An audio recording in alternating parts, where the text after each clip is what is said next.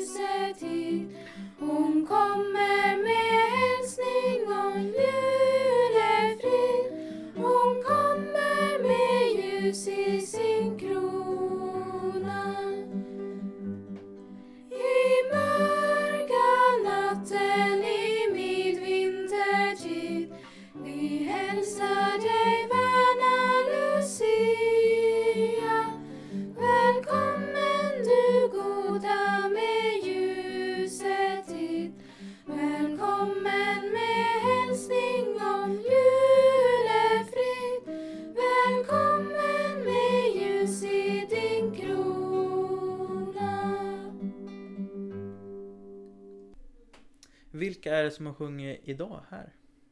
Jo, det här är våran ungdomskör Änglarna som vi har i Vendel Tegelsmora församling. Fyra pigga och alerta tjejer som är från åldrarna i, de går i, den yngsta går i klass 9 här i Örbyhus och de äldsta blir studenter i vår. De är grymma. Ja, det är de. De är superduktiga. Det är jättekul att jobba med dem. Hör du Martin, det är Lucia på måndag. Vet du varför man firar? ah, till viss del tror jag. Men jag tror du sitter på lite bättre information än vad jag har. Mm. Eller har jag fel? Nej, jag, jag har lite information här. Luciafirande i Sverige har sin bakgrund i folktron och legender och historisk fakta. Lucia kommer med ljus när det är som mörkast här uppe i våra nordiska breddgrader. Och hon påminner om våra kristna hopp. Det var väl fint sjunget av våra, våran ungdomskör? Absolut, de sjunger så fint så. Mm. Fyra härliga tjejer som sjunger så underbart. Ja. Och Gunhild. Och Gun, hon spelar ju jättebra. Ja, vi får inte glömma henne. Nej, absolut inte. Men du har också någonting Martin? Jag ska prata lite om de visa männen här Mm. på tredje advent. Jag tycker det passar bra till.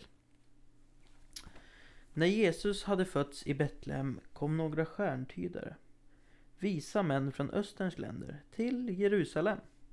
De kom ridade på sina kameler och stannade vid kung Herodes slott. Var finns judarnas nyfödde kung? undrar de. Vi har sett en ny stjärna på himlen. Det betyder att en kung är född. Nu har vi kommit för att ge honom våra gåvor. När kung Herodes hörde detta blev han rädd.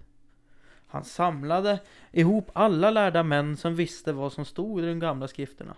Sedan frågade han dem var Messias, kungen, skulle födas. De svarade i Betlehem i Judeen, för så sa profeten.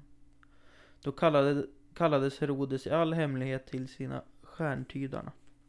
Och han förhörde dem noga och om hur länge de hade sett stjärnan. Sedan skickade han dem till Betlehem. Fortsätt dit och ta noga reda på allt om barnet, sa han.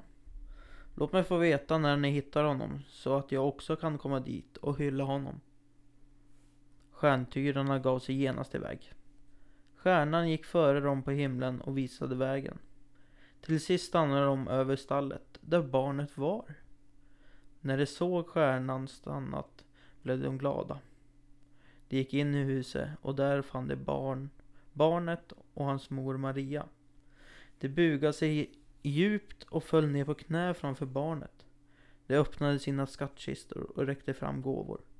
Guld, rökelse och myrra. I en dröm sa Gud åt dem att de inte skulle vända tillbaka till Herodes. Därför tog de en annan väg hem till sitt land. Martin, nu Mm, får du tända tredje ljuset.